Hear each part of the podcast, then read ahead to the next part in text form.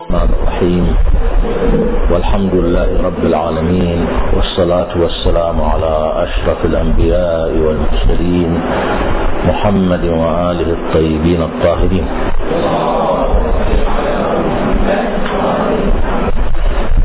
أعوذ بالله من الشيطان الرجيم. بسم الله الرحمن الرحيم.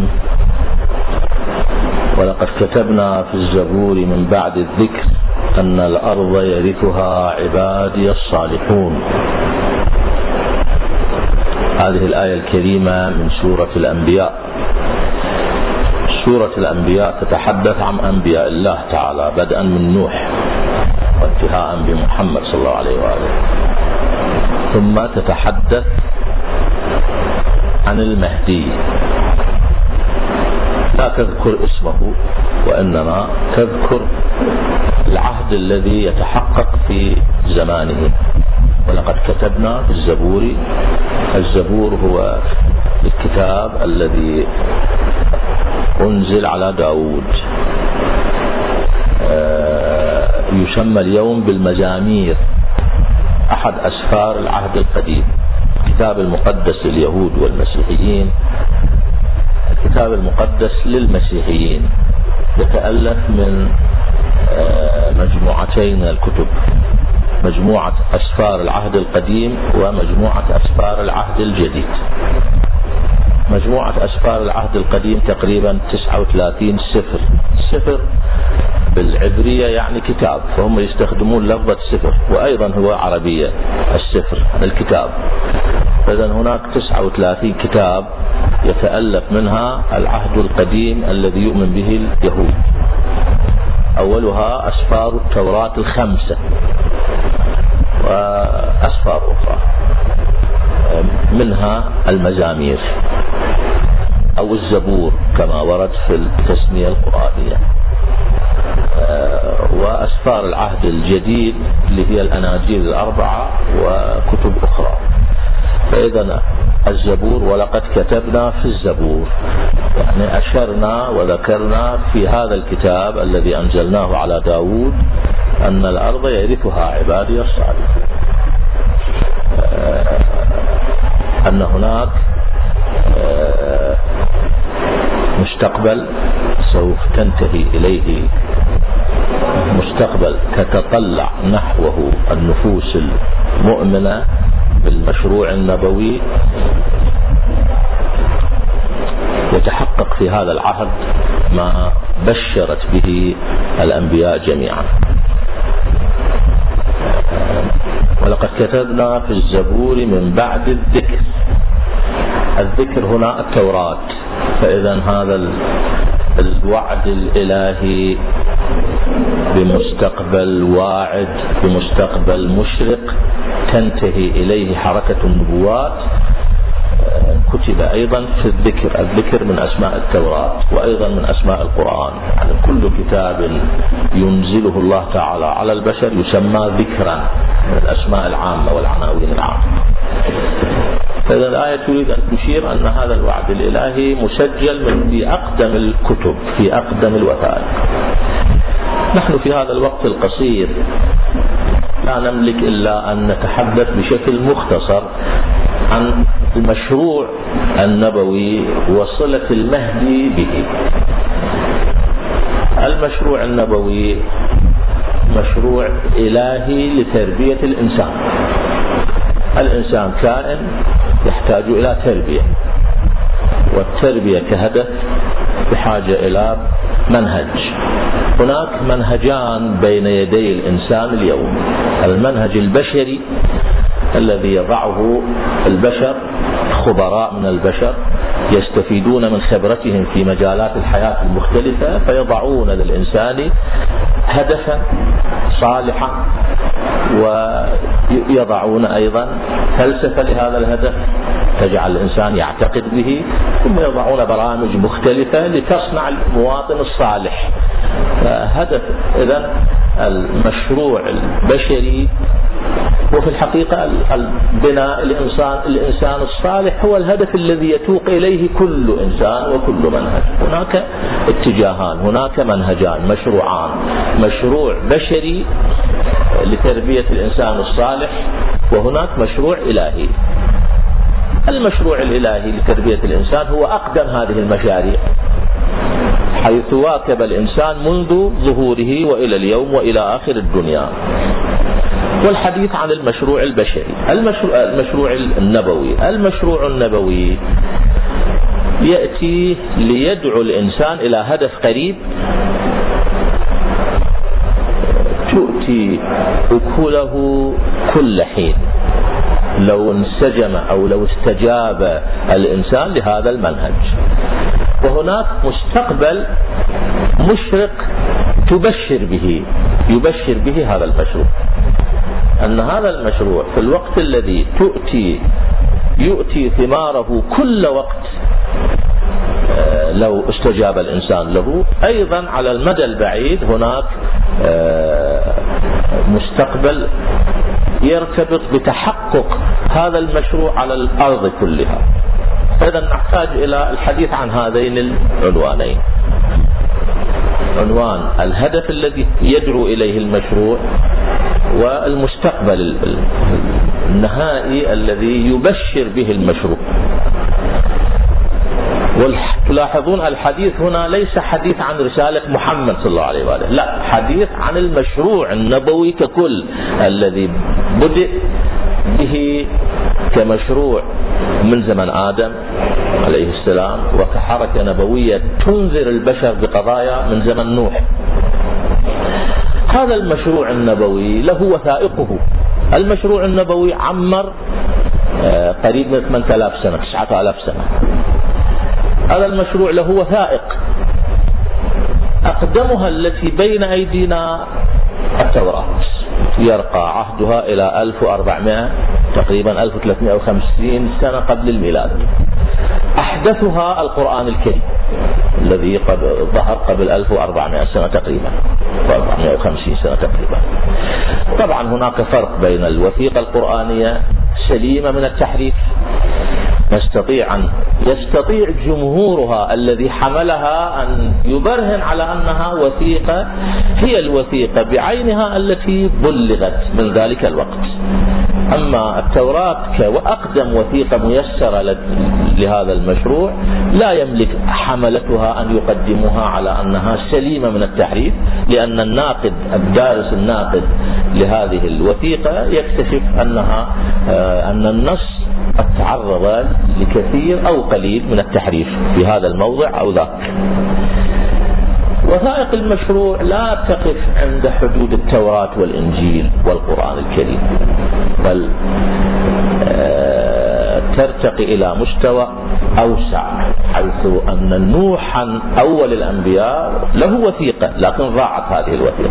إبراهيم أقدم الأنبياء بعد بعد بعد نوح أيضا له وثيقة. صحف إبراهيم ضاعت هذه الصحف. طب هذه الوثائق التي ضاعت هل نجد لها بقايا؟ نعم. هناك شريعة حمورابي. شريعة حمورابي حمورابي الدراسات العلمية آه، الآثارية في تحليل هذه اللفظة. حمورابي هو اسم لإبراهيم كما نحن ذهبنا إليه في بحوثنا الآثارية. آه، من حمورابي يتألف من مقطعين. حامة الرب. حامة يعني خليل وخاص. خاصة الإنسان من أصدقائه يقولون صديق حميم. حميم حامة أو حمو على لهجة. اللهجات تختلف في اللغة. فحمورابي أو حامورابي هو خليل الرب فإذا هذه الوثيقة التشريعية هي تعنون باسم إبراهيم. وفعلا حينما ندرس هذه الوثيقة التشريعية سوف نجد فيها الكثير من بقايا التشريعات التي تتطابق مع القرآن الكريم. لا نريد أن ندخل هنا. هذه وثيقة تعبر أو آه، تكشف عن بقايا لتراث إبراهيم. كذلك ما حمله ما حملته الأمم السومرية والأكدية والبابلية العراقي العراقيين القدماء. من ما قدموه من وثائق ومن أقدمها وثيقة جلجامش وثيقة الطوفان وثيقة الخلق. يعني هذا التراث المسماري الذي الذي عرف به هذه التشريعات أو الأدعية وكثير من المفردات الأخرى هذه مخلفات آه، المشروع النبوي. طبعا التحريف فيها أكثر. يعني حينما نقارن بين النص القرآني والنص التوراتي نجد هناك نسبة من التحريفات. أصابت الوثيقة الأقدم. آه، التحريف في الوثائق السومرية أو الأكدية الوثائق المسمارية طبعا كان أكثر عمق وأكثر شمولية. حينما نقرأ آه، قصة الخلق أو قصة الطوفان آه، التي قدمتها لنا الوثائق المسمارية ونقارنها بالقرآن الكريم نجد هناك تطابق في ميادين معينة ولكن أيضا نجد في ميادين أخرى آه، مجالات أوسع للتحريف وبالذات فيما يتعلق بالله سبحانه وتعالى حيث لا تتحدث عن إله واحد خلق وإنما تتحدث عن مجموعة آلهة ومن بينهم إله خاص بنوح. يعني تبقى النصوص القديمة المسمارية نص جلجامش أو نص أسطورة الخلق أو أسطورة الطوفان كما هم يعبرون عنها يبقى نستطيع أن نتلمس آه، عنصر التوحيد فيها. حينما يتحدث عن نوح يقول رب نوح الذي كان يعبده ويبكي له يبكي يبكي يبكيه يوميا آه، أوحى له أن ارسم سفينة ابن سفينة قال ما أعرف ارسمها لي هذا نجده في الوثيقة القديمة. آه، هو نفس هذا الرب آه، حينما نحلل الاسم نجده خالق السماوات والأرض. المهم الوثائق الأقدم اذا هناك وثائق أقدم لهذا المشروع النبوي. بقاياها نستطيع أن نتلمس وجودها في التراث المسماري وهذا ما دعانا إلى إلى آه، بحوث في هذا السبيل. آه، ألقينا بعضها في في في لندن أذكر في ال 95 بعنوان الكتابات المسمارية قراءة جديدة. وهدفنا من ذلك أن نكشف أن هذه الثقافة المسمارية التي عرف بها العراق في العالم لا تعني جهد عراقي مستقل عن حركة الأنبياء وإنما هو من بقايا حركة الأنبياء في الحقيقة. هذا معنى قراءة جديدة أن تراثنا القديم هو غير مفصول عن حركة الأنبياء. فإذا هناك مشروع نبوي من خصائص البلد خصائص العراق أنه البلد بلد المشروع النبوي. هذا لا يوجد مثل هذه الخصيصة لا يوجد بلد في الدنيا يمتلك هذا الامتياز. بلد المشروع النبوي الذي عمر ثمانية آلاف سنة هو العراق. ومركز هذا المشروع النبوي الأقدم النجف. يعني هذه حقيقة يستطيع الباحث أن يحصل عليها أدلة من الوثائق المسمارية من الوثائق العبرية والآرامية من الوثائق العربية. أن النجف هي مركز المركز الأقدم للمشروع مركز انطلاقة المشروع وأيضا مركز نهاية المشروع. من هنا يعني هذا الموقع الذي يتبوأه النجف تتبوأه الكوفة. في المشروع النبوي موقع عميق آه، آه، يجعل الإنسان الذي يتواجد على هذه البقعة الطيبة يشكر الله تعالى على أن جعله من أهلها أو جعله آه، أن ينتمي إليها بشكل وبآخر. فإذا نحن أمام مشروع واسع بهذه السعة يمتلك وثائق متنوعة المشروع البشري الذي يتصدى لتربية الإنسان. مهما رجعنا إلى الوراء لا نجد عمقا أكثر من يعني اليوم باعتبار المشروع الأمريكي هو من المشاريع السائدة في الدنيا حضارة ويبنون يبنون الإنسان عمره أكثر مو أكثر من 200 سنة وينتهي. ما عنده يعني ما عنده خلفية أبعد من ذلك. وهكذا من حين نرجع للمشروع البريطاني مثلا. مو أكثر يعني عندهم بداية الوثيقة الدستورية التي التي رجعوا إليها انتقلوا من حالة جاهلية إلى حالة آه، رسمية أو حالة دستورية. الماغنا كارتا 1000 تقريبا 200 ميلادية يعني قبل 600 سنة قبل 800 سنة ليس إلا. بينما المشروع النبوي الذي يقوم أساسا على تقديم وثيقة ينبني عليها ال ال ال الإنسان والمجتمع والدولة يرقى أقدمها آه، إلى نوح. نوح قبل 8000 سنة قبل الميلاد 7000 سنة قبل الميلاد. هذا المشروع الواسع آه، الذي الذي يمتلك وثائق متنوعة يمتلك آه، جماهير تنتسب إليه.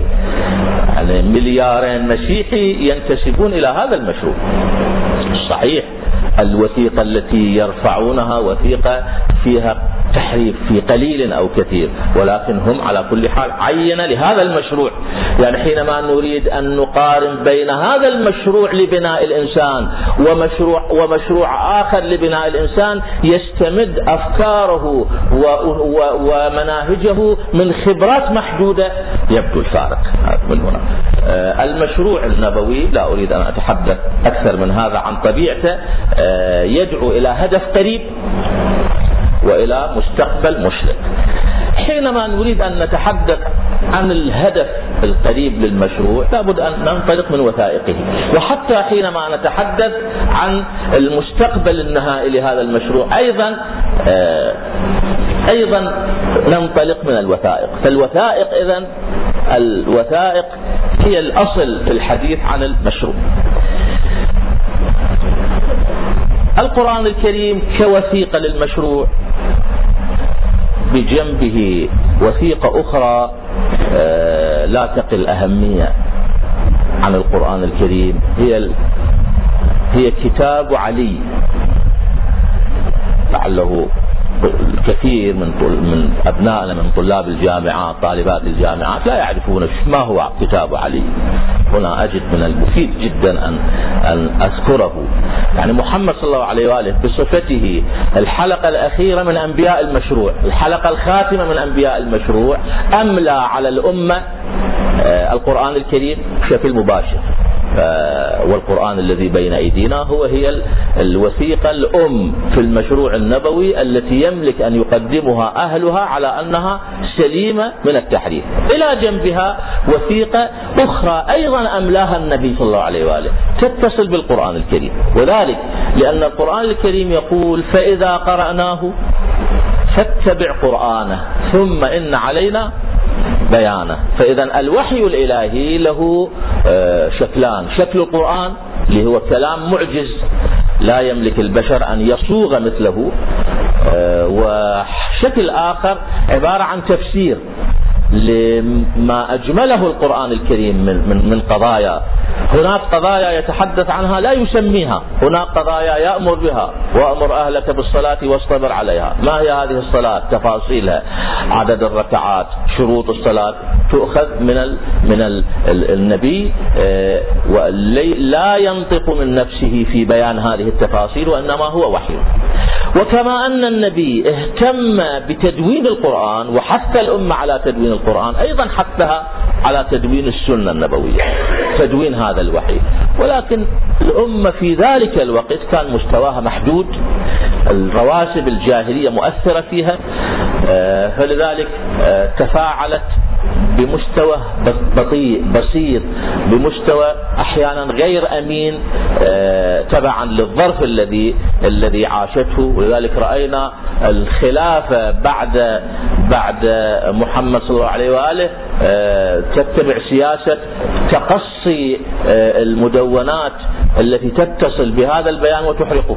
وعندنا كارثة حصلت بعد وفاة النبي صلى الله عليه وآله أن المدونات والمذكرات التي كتبها الناس عن النبي فيما يتصل بتفسير القرآن الكريم لا توجد اليوم أي وثيقة. الذي بين أيدينا ما كتبه علي. فالنبي صلى الله عليه وآله كانت عنده عناية خاصة بعلي.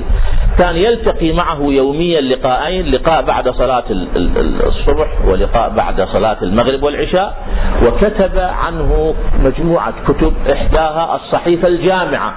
الصحيفة الجامعة صحيفة طولها سبعون ذراعا. أملى النبي صلى الله عليه وآله في هذه الصحيفة على علي ما يتصل بالفقه وما يكتبه اليوم علماؤنا في الرسائل العملية مستمد من هذه من هذا الكتاب.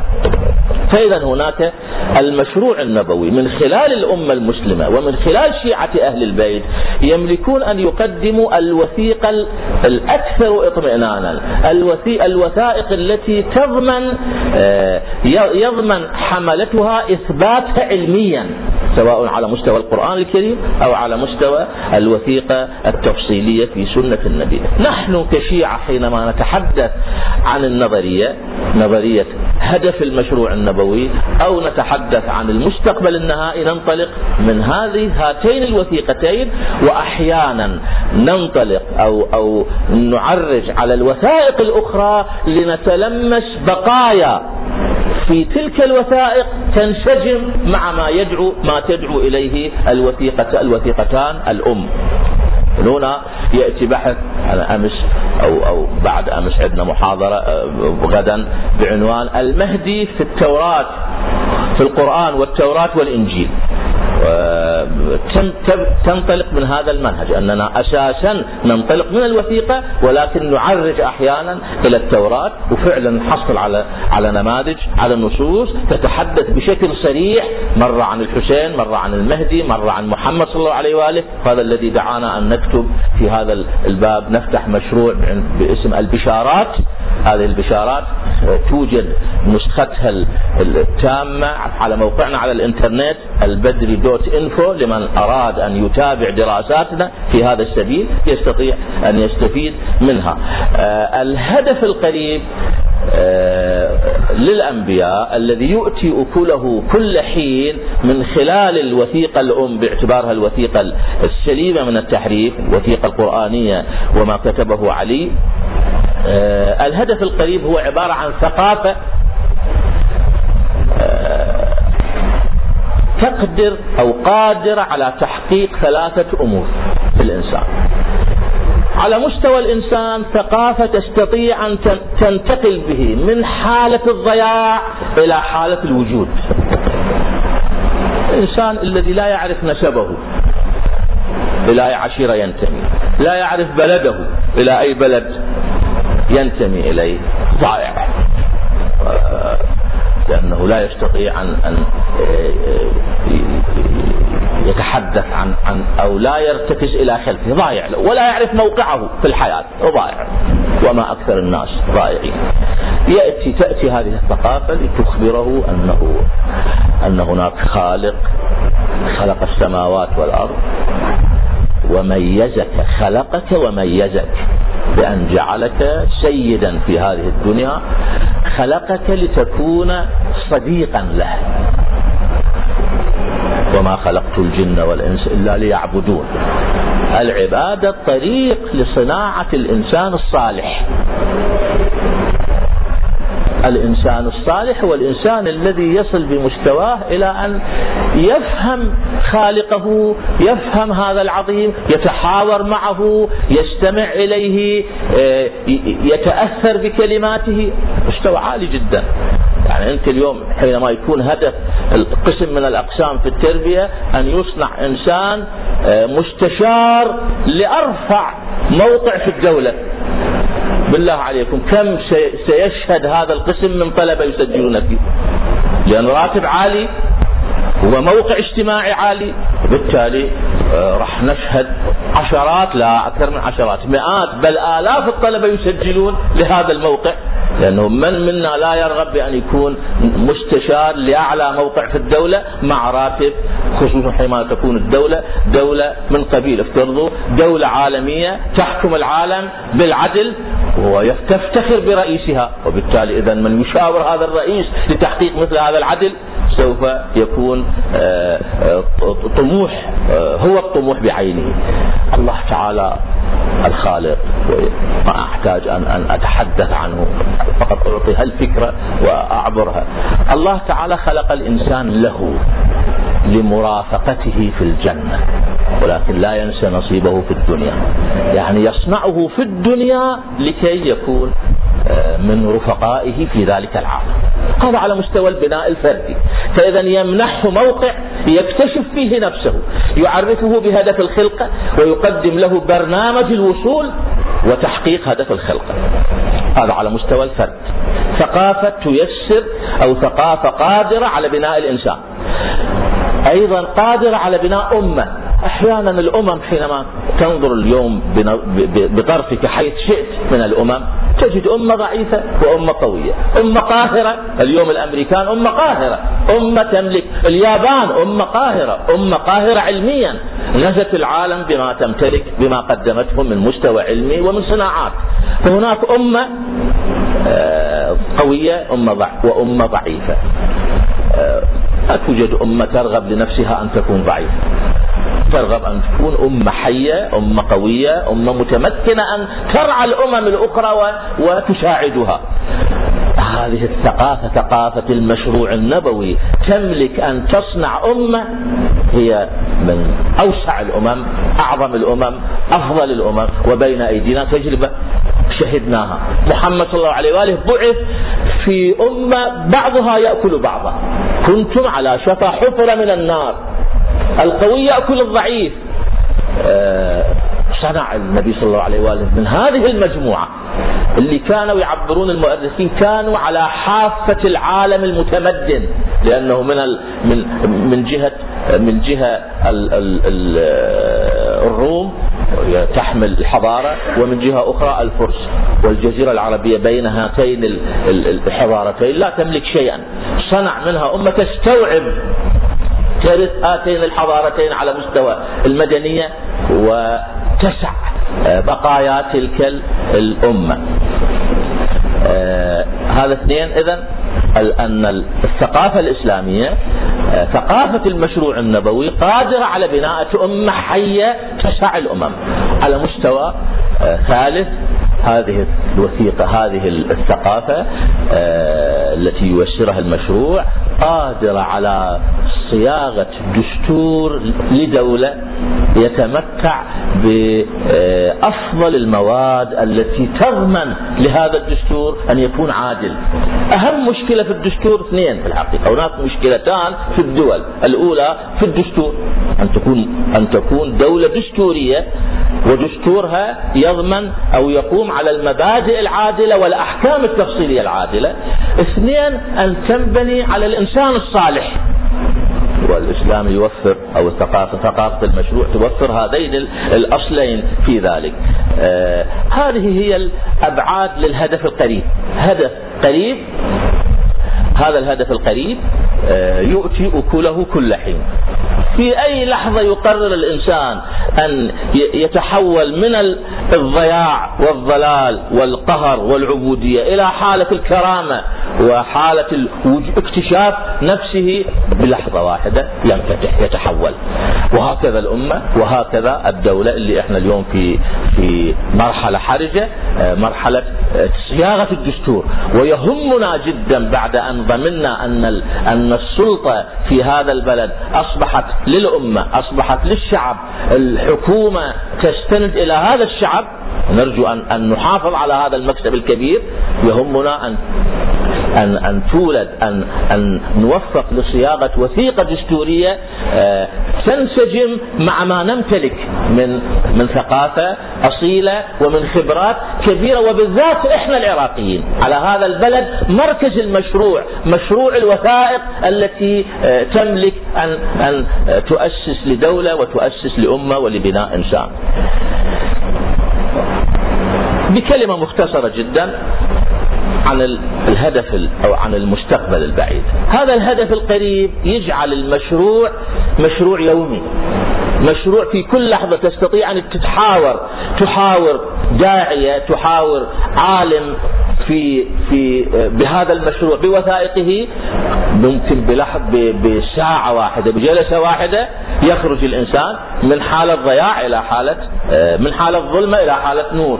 فإذا تؤتي أكلها كل حين بإذن ربها. ولا تؤتي أكلها كل حين إلا بإذن ربها إلا من خلال الوثيقتين السليمتين من التحريف. القرآن الكريم وما حمله شيعة أهل البيت من رواية السنة النبوية بطريق أهل بيت النبي عن علي سلام الله عليه.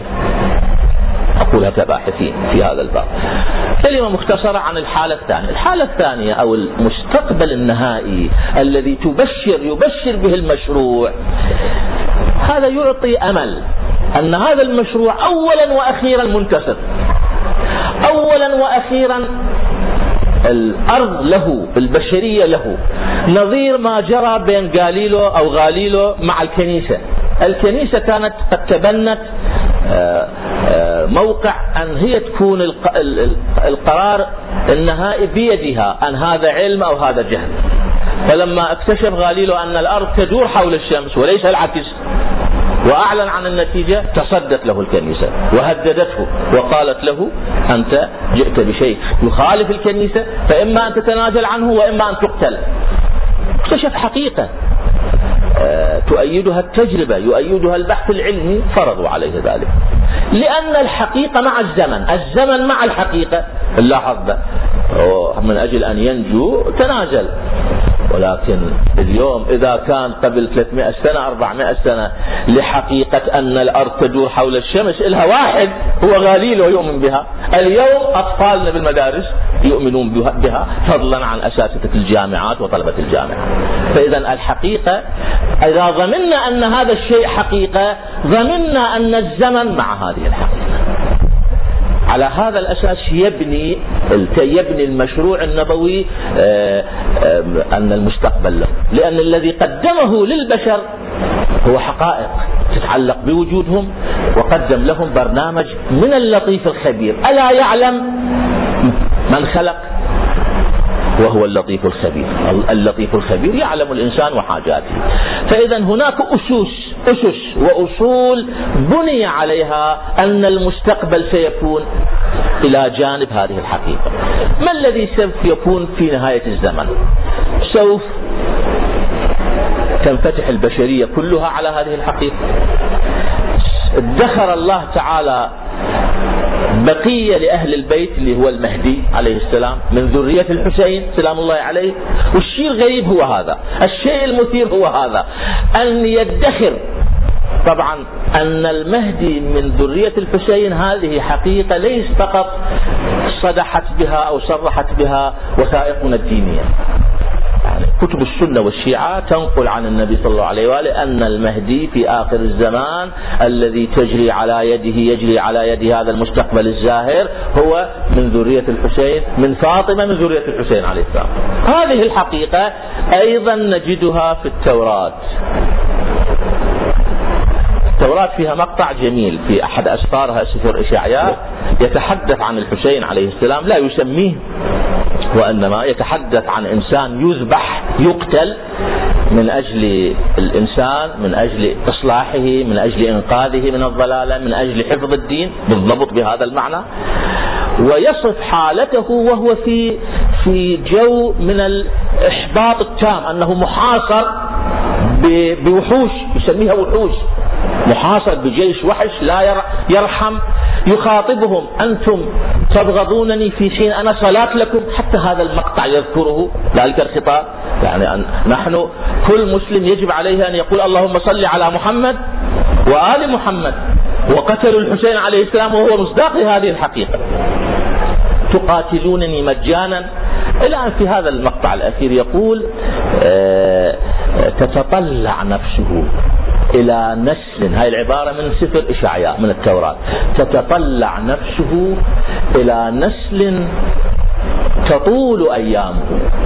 المسيحيون يفسرونها بالمسيح والمسيح آه، مات آه، ما عنده أسرة ما متزوج ما عنده نسل. إذا آه، تفسير هذه العبارة في المسيح فاشل. ولا يوجد إنسان في الدنيا ينتسب إلى مشروع نبوي وقتله أثر بشكل آه، واضح وصريح ومكشوف للعالم أجمع وللبشرية إلا الحسين عليه السلام. فهذا هذا المقطع يقول تتطلع نفسه إلى إلى نسل تطول أيامه يعني إلى إنسان تطول عمر يطول عمره ماكو غير المهدي سلام الله عليه. اريد أقول سجلت هذه الحقيقة من الحسين. في ظرف استئصاله. كاملا استؤصل الحسين سلام الله عليه. لكن هو وعد إلهي. يعني الله تعالى مقرر. الله تعالى المستقبل أمامه مكشوف. والحقيقة التي أعطاه الذي أعطاه للناس حقيقة. فهو يعلم أن الزمن مع هذه الحقيقة. ثم الذي يميت ويحيي الله تعالى. الذي يرزق ال ال الولد. الذي ينجي من المرض الله. وإذا مرضت فهو يشفيني. أعطيت. أعطي التبشير بدولة عالمية. تسع البشر جميعا. من موقع على يد ابن الحسين من موقع استئصال الحسين. اليوم نستطيع أن نمتحن هذه الفكرة. تعلمون أن يزيد كان عمره كان عنده عنده أقل رواية 12 ولد. ويملك الشرق والغرب. والحسين عليه السلام في يوم العاشر استؤصل صفي وما بقي عنده إلا علي بن الحسين لمريض. إذا إذا إذا إذا انكفأ لا يستطيع أن ينهض. كل شيء. ولكن تعال انظر الدنيا مع من؟ كربلاء بين يديك أيام محرم وأيام عاشوراء هذه حقيقة.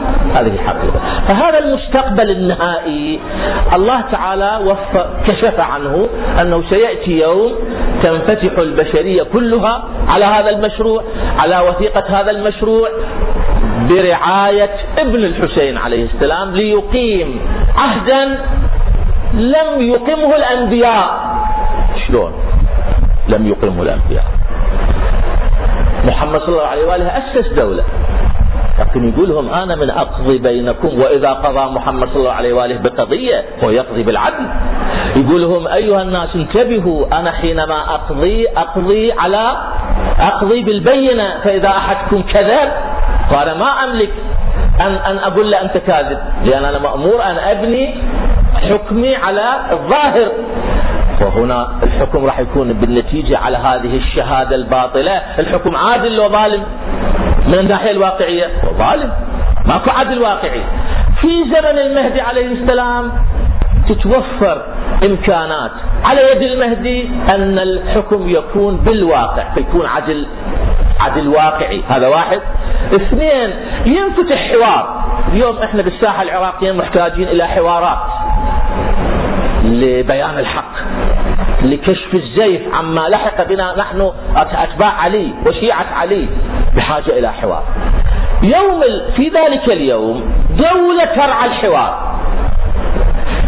وحينما يصل الحوار إلى طريق مسدود ونحتاج إلى وثيقة واقعية تقدم تلك الوثيقة الواقعية.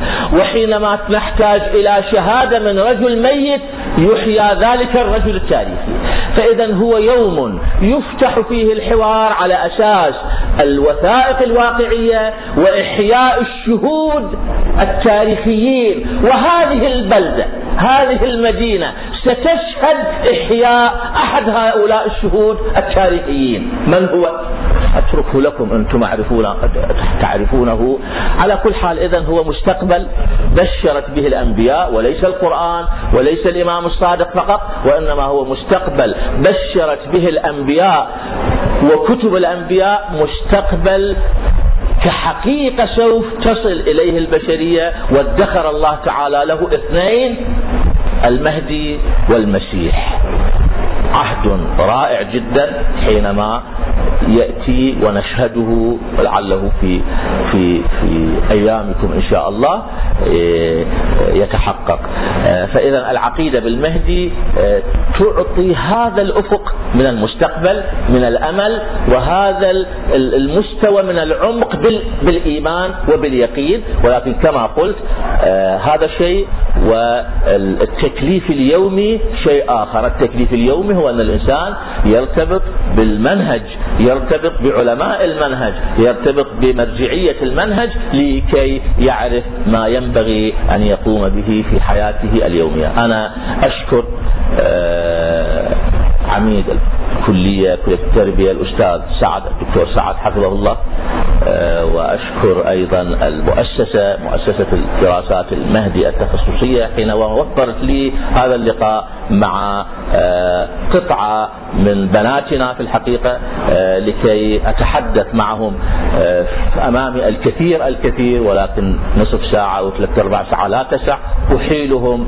إلى موقعي على الإنترنت حيث فيه تجاربي وبحوثي خلال 35 سنة سجلوه البدري دوت انفو وأرجو الله تعالى أن يوفر لنا فرص في المستقبل آه، أو أكثر من ذلك لنواصل آه، هذا المشروع آه، الثقافي التعليمي الإلهي والحمد لله رب العالمين والصلاة والسلام على أشرف الأنبياء والمرسلين محمد وآله الطيبين الطاهرين.